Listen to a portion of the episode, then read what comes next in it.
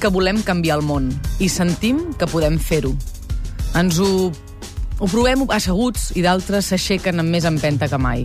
Uns criden perquè els escoltin i d'altres resen pel mateix motiu. N'hi ha que s'hi deixen la pell i d'altres que posen tota la carn a la graella. Aquests matins són els preludis de grans coses, de petites proeses i a vegades d'enormes frustracions. Els matins que volem que les coses siguin diferents, no ens hem de conformar. No hem de fer soroll i després desaparèixer, perquè el més difícil ja està fet. Tenim les ganes, tenim les il·lusions, tenim l'empenta.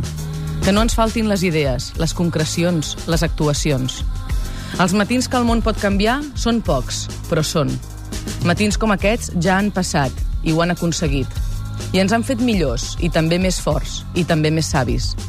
La història ens demostra que el canvi és possible, però també ens recorda que no n'hi ha prou amb la indignació.